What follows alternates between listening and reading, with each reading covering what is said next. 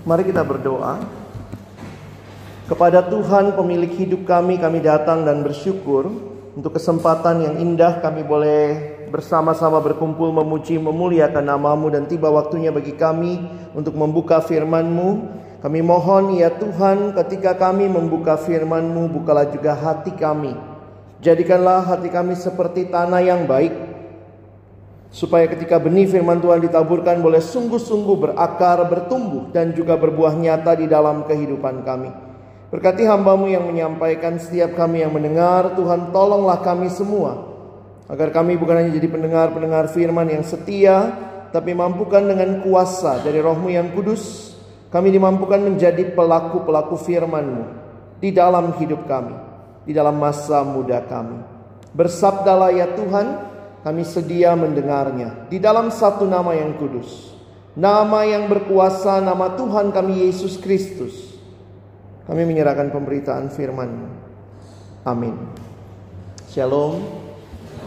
Selamat Natal, selamat tahun baru teman-teman sekalian. Belum telat ya.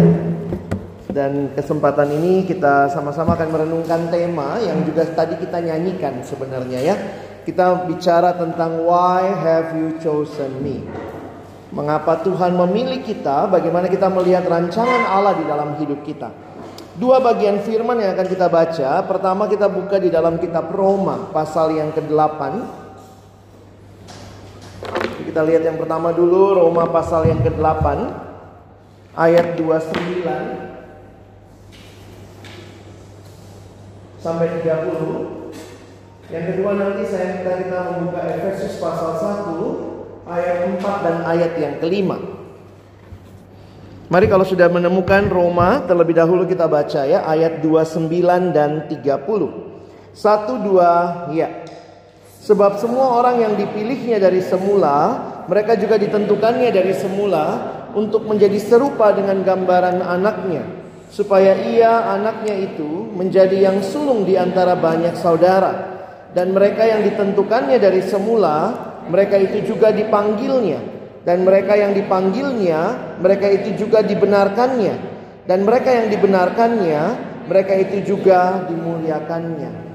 Lihat rencana Allah yang kekal itu diaplikasikan dalam hidup kita ya. Itulah yang kita lihat sampai tanda kutip di sini dipakai istilah mereka itu juga akan dimuliakannya ya Mari lihat Efesus pasal 1. Kita akan membaca dua ayat. Efesus pasal 1 ayat 4 dan ayat yang kelima. Ayo kita baca dua ayat ini satu dua ya. Sebab di dalam Dia Allah telah memilih kita sebelum dunia dijadikan supaya kita kudus dan tak bercacat di hadapannya. Dalam kasihnya ia telah menentukan kita dari semula oleh Yesus Kristus untuk menjadi anak-anaknya sesuai dengan kerelaan kehendaknya. Nah teman-teman ini satu bagian yang saya ingin kita pahami begini. Waktu terbatas tidak bisa menggali semua hal.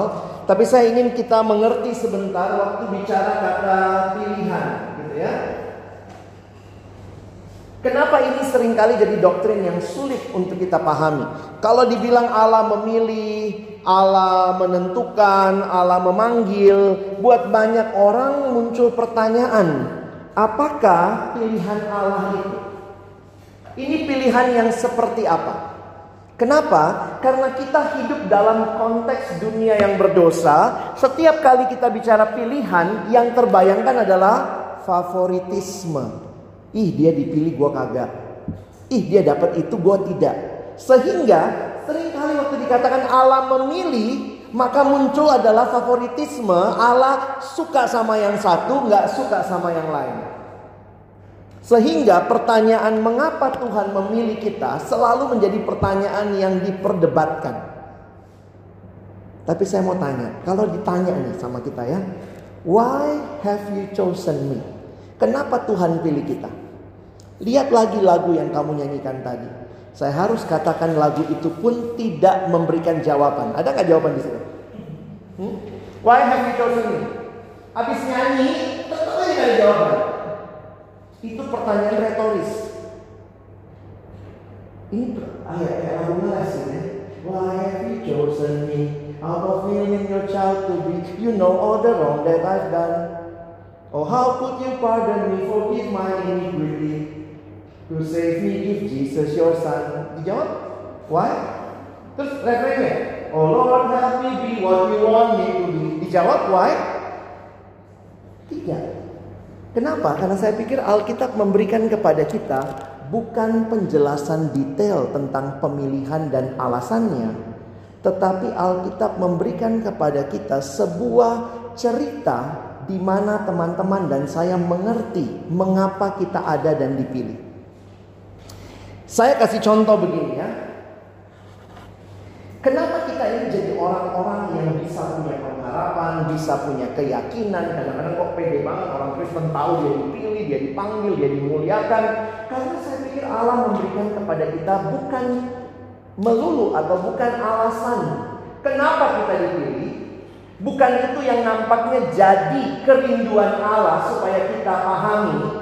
Tetapi yang Allah berikan bagi kita lebih kepada kamu dipilih untuk apa? Kenapa ini jadi penting? Orang belajar teologi itu sampai sekarang masih berantem gitu. Predestinasi siapa dipilih dulu atau ditentukan dulu. Kadang-kadang setelah kita menjawab itu semua, kalaupun kita bisa jawab itu, gunanya apa?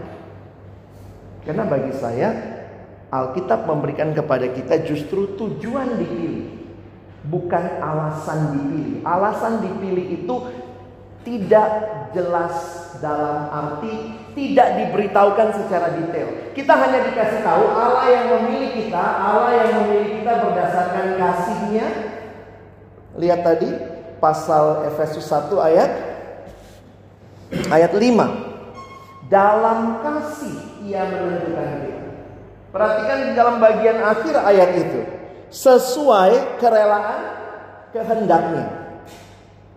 Kasihnya, kerelaannya Nanti kalau kalian baca lagi kedaulatannya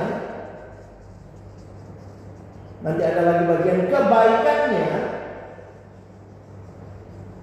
Jadi Alkitab memberikan kepada kita pemahaman begini. Yang memilih kamu adalah Allah yang seperti ini. Percaya aja deh Dia Allah yang baik Dia Allah yang berdaulat, dia Allah yang setia. Karena itu, semua alasan pemilihan kita, why have you chosen me, sebenarnya bukan jawabannya pada kitanya, tapi pada Allah yang memilih kita. Bisa dipahami cara pikirnya? Kalaupun kita mau tanya terus, nanti mentoknya adalah Tuhan kenapa kau pilih aku? Akhirnya aku pelajari di Alkitab bukan kenapa aku dipilih. Karena bukan apa yang ada padaku yang menentukan aku dipilih. Tapi karena engkau dengan semua atributmu ini memilih aku menjadi apa? Saya kasih contoh begini. Misalnya kamu agak kaya lah ya. agak kaya terus kemudian kemarin kebanjiran nih. Wah kamu nggak kena kongres elit nggak kena banjir ya. Ngomong-ngomong saya kena nih ya. nah, kalau kamu kebanjiran, misalnya ya, lalu kemudian uh, kamu datang, anggaplah kamu datang ke, ya, sorry ya saya sekarang balik kalian yang kebanjiran ya, datang ke rumah orang yang kaya, lalu orang kaya itu datang, kamu ke tempat dia, terus dia ngelihat kamu, iya ya, sedih banget nih kebanjiran baju tinggal yang ada di badan. Akhirnya orang kaya itu memberikan bantuan sama kamu. Kamu dikasih baju terus ternyata dikasih duit juga. Dipinjemin motor ya. Dikasih mobil gitu ya. Anggaplah udah dikasih semua gitu ya. Jadi kamu tiba-tiba orang kebanjiran yang kaya karena dikasih semua. Nah lalu kemudian datanglah pulang ke daerahnya yang banjir lalu cerita nih sama temennya. Iya ih kau udah, udah punya mobil aja udah punya motor segala macam? Iya gue dikasih sama orang kaya itu. Akhirnya dibentuklah paguyuban kena banjir. Datang ke rumah orang kaya ini minta keadilan. Berikan kami seperti yang kau berikan pada orang itu. Logis nggak? Minta apa yang didapat oleh orang lain Misalnya dia datang gitu ya. Coba kasih kami mobil, kasih baju, kasih motor seperti yang dikasih sama orang itu. Boleh nggak orang yang kebanjiran yang lain minta hal yang sama? Sebenarnya kita harus meyakini bahwa ini bukan masalah kebanjirannya yang membuat dia ditolong, tetapi dia ditolong karena Siapa yang menolong? Dan yang menolong itu suka-suka dia mau bantu siapa? Seringkali kan kita kalau bicara doktrin pilihan, Tuhan kenapa ini dipilih, kenapa ini enggak? Nah itu kita tuh. Kita senang memperdebatkan why me, why not them. Padahal sebenarnya Tuhan mau mengingatkan kepada kita bahwa yang pertama dan terutama adalah percayalah bahwa aku yang memilihmu, aku adalah Allah yang setia, Allah yang benar, Allah yang adil, Allah yang tidak mungkin memilih demi tujuan-tujuan yang aneh. Jadi akhirnya saya melihat memang ini misteri ya. Saya pikir berikan ruang dalam imanmu kepada misteri ilahi. Di dalam Alkitab ada yang dikatakan begini. Semua yang dinyatakan itu buat kita. Tapi ada hal-hal yang tertutup yang tidak dinyatakan. Itu miliknya Tuhan. Orang kalau baca Alkitab kan di Alkitab itu tidak semua yang kamu mau tahu ditulis. Tapi yang ditulis adalah semua yang kamu perlu tahu, bukan yang kamu mau tahu. Kamu pengen jawab, aduh siapa yang nama istri Lot? Aduh siapa nama istri Lot? Kan nggak ada tuh. Aduh siapa nama istri Lot? Ya udah kalau PA udah itu lewatin gitu. Nanti cari-cari siapa nama istri Lot? Oh nyolot, ya nyolot. Jangan nyolot saudara ya. Jadi saya jujur aja makin baca Alkitab saya sepaham dengan penulis lagu ini. Ini lagu yang selalu kita nyanyikan. Wow, why have you chosen me? Ini lagu yang tidak punya jawaban. Tetapi penulis lagunya hanya mau menyatakan pertanyaan retoris. Why have you chosen me? Tapi saya tidak tahu Tuhan alasannya, tapi I know what you want me to be. Karena itu perhatikan, yang jelas di dalam ayat-ayat ini adalah what you and I have to be. Kita balik ke Roma sebentar ya. Kita harus bagaimana? Teman-teman coba lihat Roma 8. Sebab semua orang yang dipilihnya dari semula, mereka ditentukannya dari semula untuk menjadi serupa. Ternyata ada goalnya. Goal pemilihan kita bukan supaya kita sombong, weh gue lebih bagus dari lu dong gitu ya. Tapi tujuannya adalah serupa dengan Yesus. Jadi jujur aja nih orang-orang yang sibuk berantemin doktrin tapi kemudian tidak hidup seperti Yesus. Kadang-kadang saya berpikir kamu ngerti nggak doktrin yang kamu berantemin itu? Karena doktrin itu sedang bicara you have to be like Jesus. This is the main goal. Dan untuk membawa kita serupa dengan Yesus, perhatikan, kita kan tadinya berdosa nih. Dosa, terus kita diselamatkan oleh Kristus. Nah, apa yang terjadi? Ada proses dari kita diselamatkan sampai kita serupa dengan Kristus. Ini terjadinya kapan? Pada Yesus, Yesus datang kedua kalinya. Di sinilah kita jadi mengerti itu yang disebut dimuliakan. Perhatikan tahapnya ya. Coba lihat sebentar. Di dalam ayat 29, sebab semua orang yang dipilihnya dari semula, mereka juga ditentukannya dari semula untuk menjadi gambaran serupa dengan gambaran anaknya supaya ia anaknya itu menjadi yang sulung di antara banyak saudara. Sebenarnya anak Allah itu berapa? Anak Allah ada berapa? Pendeta Stephen Tong bilang anak Allah cuma satu. Kita itu anak-anak Allah, fotokopinya. Ada yang bagus, ada yang buruk. ya, anak Allah itu cuma Yesus. Makanya Yesus itu kakak tertua. Kalau kayak film silat ya, kakak tertua. Kita itu semua harus mirip Yesus. Dialah yang paling sulung dari semua saudara. Jadi gambaran anak Allah buat kita adalah gambaran hidup seperti Yesus. Tapi perhatikan bagaimana ini diaplikasikan. Ini kan rencana kekal. Bagaimana Allah mengaplikasikannya? Perhatikan tahapannya. Kalau kita mau bilang ini tahapan atau mungkin bukan tahapan tapi sebuah realitas sejarah. Perhatikan ayat 30. Mereka ditentukannya dari semula, mereka juga dipanggilnya mereka yang dipanggilnya, mereka juga dibenarkannya. Nah, itu yang terjadi waktu kita selamat. Ada yang namanya dibenarkan. Istilah hukumnya justification. Waktu kita diselamatkan, Allah membenarkan kita. Dulu pembimbing rohani saya kasih ilustrasi begini.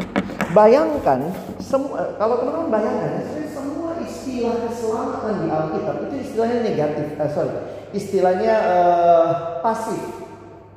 Diselamatkan, dibenarkan, dikuduskan. Jadi memang sebenarnya dalam karya keselamatan itu bukan usaha kita. Itu Paulus sudah jelas bilang di Roma pasal 3. Nggak bisa dengan upayamu. Itu adalah karunia Allah. Nah, pembimbing rohani saya dulu kasih ilustrasi begini. Kalau Allah lihat hidupmu dan hidupku yang penuh dosa, maka kita pasti dihukum. Karena upah dosa adalah maut. Dan kalau Allah adil, Allah harus menghukum dosa. Gak mungkin dong Allah adil tidak hukum dosa. Tetapi ketika engkau dan saya diselamatkan di dalam Kristus. Nah gambarannya adalah anggaplah ini Kristus ya. Nah sekarang kita ada di dalam Kristus. Jadi waktu Allah melihat kita, Allah melihat Kristus. Nah pertanyaannya, ini kebenarannya siapa? Kebenarannya Kristus. Ini kekudusannya siapa? kekudusannya Kristus. Jadi ketika engkau dan saya terima Yesus dalam hidupmu mengalami kelahiran baru, maka di situlah karya Allah yang membenarkan kita. Jadi Allah kalau lihat kita sekarang nggak hukum lagi. Siapa yang dihukum? Kristus karena dia menanggung dosa kita. Tapi kebenaran kita bukan kebenaran milik kita. Ini kebenarannya Kristus. Nah perhatikan ya, justification terjadi. Sama kayak di pengadilan, waktu hakim mengetuk, tak ini nggak bersalah, maka orang itu dibe, dibenarkan. Nah perhatikan selain dibenarkan apa yang terjadi? Mereka yang dipanggilnya, mereka juga dibenarkannya dan mereka yang dibenarkannya, mereka itu juga dimuliakannya. Nah, kita punya konsep glorification atau konsep consummation bahwa consummation lah. Kalian tulis lah ya consummation begitu ya. Consummation adalah bahwa cerita akhir dari kehidupan kita yang di dalam Kristus kita akan dimuliakan kita akan menjadi sama dengan Kristus di dalam karya agungnya. Ini akhir dari perjalanan hidup. Jadi kalau boleh saya ulangi poinnya ya pemilihan tidak bicara alasan mengapa kau dan saya dipilih tapi pemilihan bicara untuk apa Tuhan pilih kita. Dan Tuhan tidak kerja separuh jalan. Oh ya sudah habis dibenarkan sudahlah. Tapi dia terus. Nah proses ini juga di dalam bagian lain ini disebut sanctification. Ini keduanya seperti koin dua mata, dua sisi. Justification bicara legal status. Legal status itu kalau bahasa hukumnya the jure sesuai dengan hukum.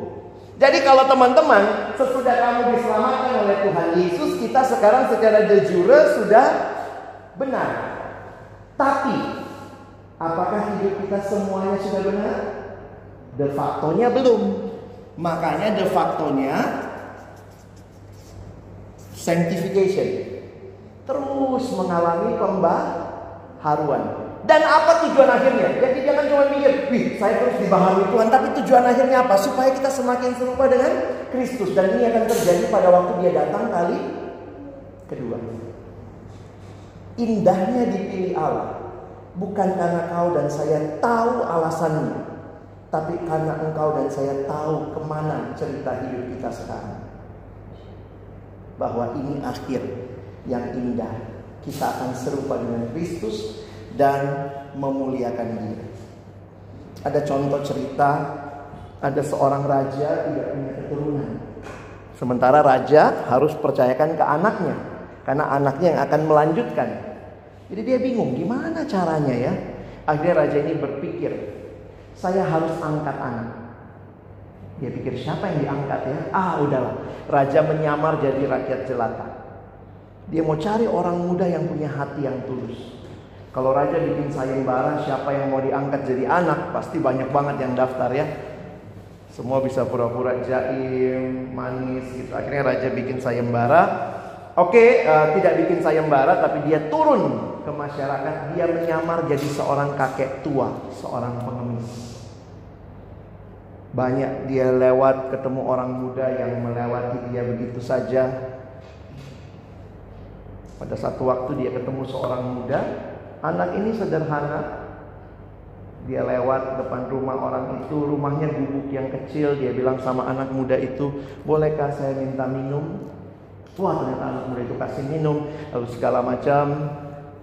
Dia akhirnya diterima oleh anak muda itu. Akhirnya sang raja berpikir, "Wah, saya ketemu nih. Inilah yang harusnya nanti menggantikan saya, seorang anak muda yang tulus, yang mau membantu, tapi namanya anak muda itu kan dia tinggal dari kecil sudah tinggal sendiri di satu gubuk yang reot, dia anak kampung, jadi kelakuannya kelakuan kampung begitu ya. Akhirnya raja ini minta diri dari pengemis itu dia setelah nyamar dia balik ke istana dan kemudian dia kirim perdana menterinya untuk menjemput anak ini. Anak ini dibawa ke istana. Waktu tiba di istana lah baru dia sadar, ya ampun, kakek tua itu ternyata adalah raja.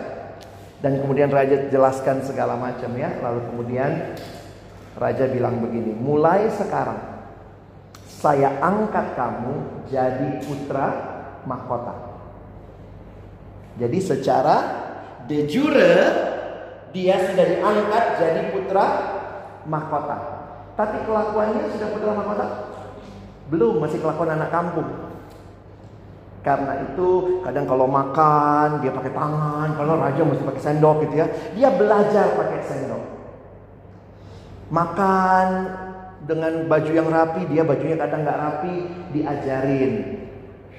Makan kaki angkat begitu ya. Seperti biasanya anak kampung, banyak anak kampung juga nih kali. Anak angkat kaki gitu ya, kadang nyaman gitu. Tapi sekarang dia mesti belajar hidup sebagai anak raja. Jadi cerminannya adalah dia adalah harus menghidupi sta statusnya. Nah, proses menghidupi status itu sampai dia diangkat jadi raja itu namanya proses sanctification.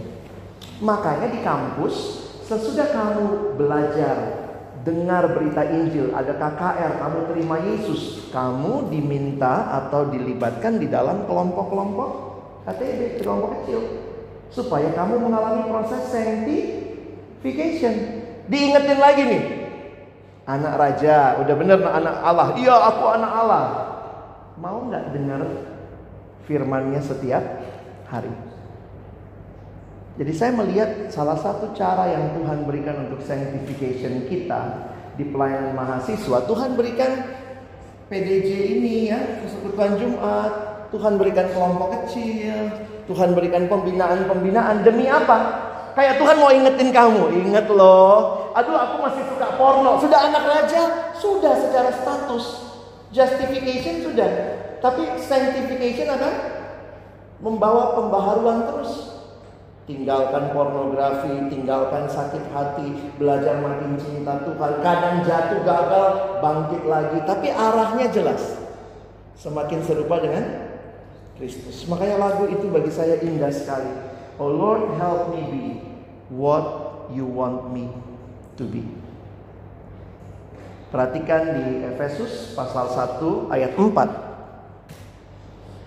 Waktu saya merenungkan ini dulu saya juga senang ya doktrin-doktrin gitu lalu berantem-berantem sama orang Allah memilih Allah apa ya. Tapi saya jadi lupa apa sih tujuan Allah memilih. Itu jelas sekali di ayat 4. Kita baca ya Efesus 1 ayat 4. 1 2 ya. Sebab di dalam Dia Allah telah memilih kita sebelum dunia dijadikan supaya kita kudus dan tak bercacat. Kudus dan tak bercacat itulah tujuan akhir yang Tuhan mau. Itulah keserupaan dengan Kristus. Nikmati statusmu sekarang. Bukan hanya senang, oh aku pasti masuk surga. Orang Kristen suka gitu ya. Oh saya udah angkat tangan waktu KKR, saya udah terima Yesus, Yesus dalam hati, aku pasti masuk surga. Tapi Tuhan mau. Sebelum engkau dan saya sampai ke akhir ini, dia memberi kesempatan kita dikuduskan. Kita mengalami sanctification sanctification. Dalam sanctification, RC Sproul kasih grafik bahwa kita ngalamin tuh ya, kadang maju, kadang mundur, jatuh. Masih bisa bikin dosa nggak? Masih ya, tapi naik lagi, kadang jatuh, naik lagi. Tapi sebenarnya yang menarik adalah arahnya terus naik. Inilah yang namanya progressive sanctification, pengudusan yang progresif, terus maju. Bisa gagal bisa, tapi pada waktu kita gagal kita tidak akan tinggal dalam kegagalan. Kenapa? Karena ada Roh Kudus. Proses yang indah adalah Roh Kudus diberikan untuk membangun kita dalam kekudusan, sanctification. Jadi karena itu ketika engkau ada di kampus ini, kamu sudah mengalami karya keselamatan Tuhan, akhir ceritanya jelas. You know the end of the story. Kalau engkau sedang dalam pergumulan dosa yang berat, saya pikir cerita ini akan menolong kamu untuk mengingat Tuhan ini sangat menyedihkan. Kenapa saya jatuh lagi dalam dosa ini? Tapi saya anak Tuhan. Dari mana kamu yakin anak Tuhan? Yohanes 1 ayat 12. Setiap orang yang menerimanya diberinya kuasa supaya menjadi anak-anak Allah, yaitu mereka yang terpanggil sesuai dengan rencananya. Jadi makin kamu ngerti firman, kamu hidupi, kamu ngalamin dan akhirnya kita Selalu punya pengharapan. Dosa bukan jalan terakhir selesai. Tapi di dalam anugerah Tuhan kita dibawa dalam keserupaan dengan Kristus. Ada satu kalimat yang saya renungkan beberapa tahun lalu adalah kalimat ini. We are hopeful people. Kenapa kita adalah orang-orang yang punya pengharapan? We are hopeful people because we know the end of the story. Kadang-kadang kalau kita lagi mau nonton film paling males ya ada spoiler dari temen ya. Udah lu jangan kasih tahu dulu nih, gue belum nonton NKTC apa itu ya. ada yang gitu ya. Kemarin kalau kayak film apa Joker waktu itu atau film-film ini, lu jangan cerita dulu ya. Kenapa? Karena kita mau nikmati uh, suspense-nya ya, ketegangannya. Tapi kadang-kadang saya pikir Tuhan beda. Baca Alkitab, we know the end of the story. The end of the story is very clear. Engkau dan saya akan makin serupa dengan Kristus. Dan mari kita bawa orang lain juga. Yang Tuhan rindukan mereka juga boleh kenal kebenaran. Supaya mereka juga dibawa serupa dengan Kristus. Amin. Mari kita berdoa. Bapak Surgawi terima kasih buat firmanmu. Biarlah setiap kebenaran yang kami dengarkan kembali menyegarkan hati kami. Di tengah-tengah kehidupan yang tidak mudah, di tengah jatuh bangunnya kami juga di dalam dosa, kami sadar, kami percaya bahwa dosa bukanlah kata terakhir dalam hidup yang sudah Engkau benarkan, kuduskan, dan selamatkan. Tapi Tuhan berikan kepada kami keberanian, kekuatan dari rohmu yang kudus untuk bangkit dan terus bersandar kepadamu. Terus memandang kepadamu. Dan di dalam engkau kami menikmati hidup yang dikuduskan terus menerus. Bukan lagi menjadi manusia yang lama. Tapi mengalami pembaharuan menjadi manusia baru. Terima kasih untuk roh kudus yang kau berikan tinggal diam di hati kami yang menuntun kami makin hari makin kudus. Terima kasih untuk firman yang kau berikan yang ketika kami baca dan renungkan setiap hari kembali menguduskan hidup kami. Dan terima kasih untuk komunitas, teman-teman kelompok kecil, teman-teman persekutuan di tempat ini, saudara-saudara seiman yang Tuhan pakai juga berjalan bersama-sama kami untuk memasuki kehidupan yang semakin serupa dengan Kristus. Biarlah Roh Kudus bekerja, firman mengubahkan dan komunitas menguatkan kami untuk hidup sebagai anak-anak Allah. Terima kasih inilah hidup yang dikasihi Tuhan dan hidup seperti inilah yang mau kami jalani selama juga kami ada di kampus ini. Biarlah kami tidak hanya kuliah, dapat ilmu yang tinggi di tempat ini, tapi benar-benar hidup rohani kami juga dibangun untuk boleh semakin serupa dengan Kristus.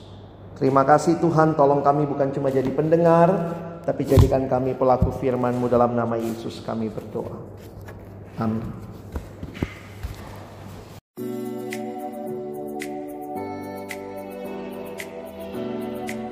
You are listening to Alex Nanlohi Podcast To know the Lord and to make Him known